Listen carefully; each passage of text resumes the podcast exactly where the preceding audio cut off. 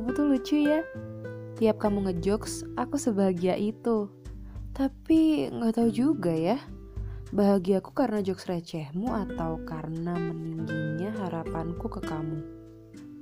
Kenapa sih kamu itu kamu? Kenapa kamu bukan orang lain?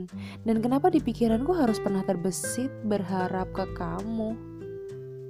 Untung kamu buat aku sadar. Aku gak perlu terlalu berharap sekarang.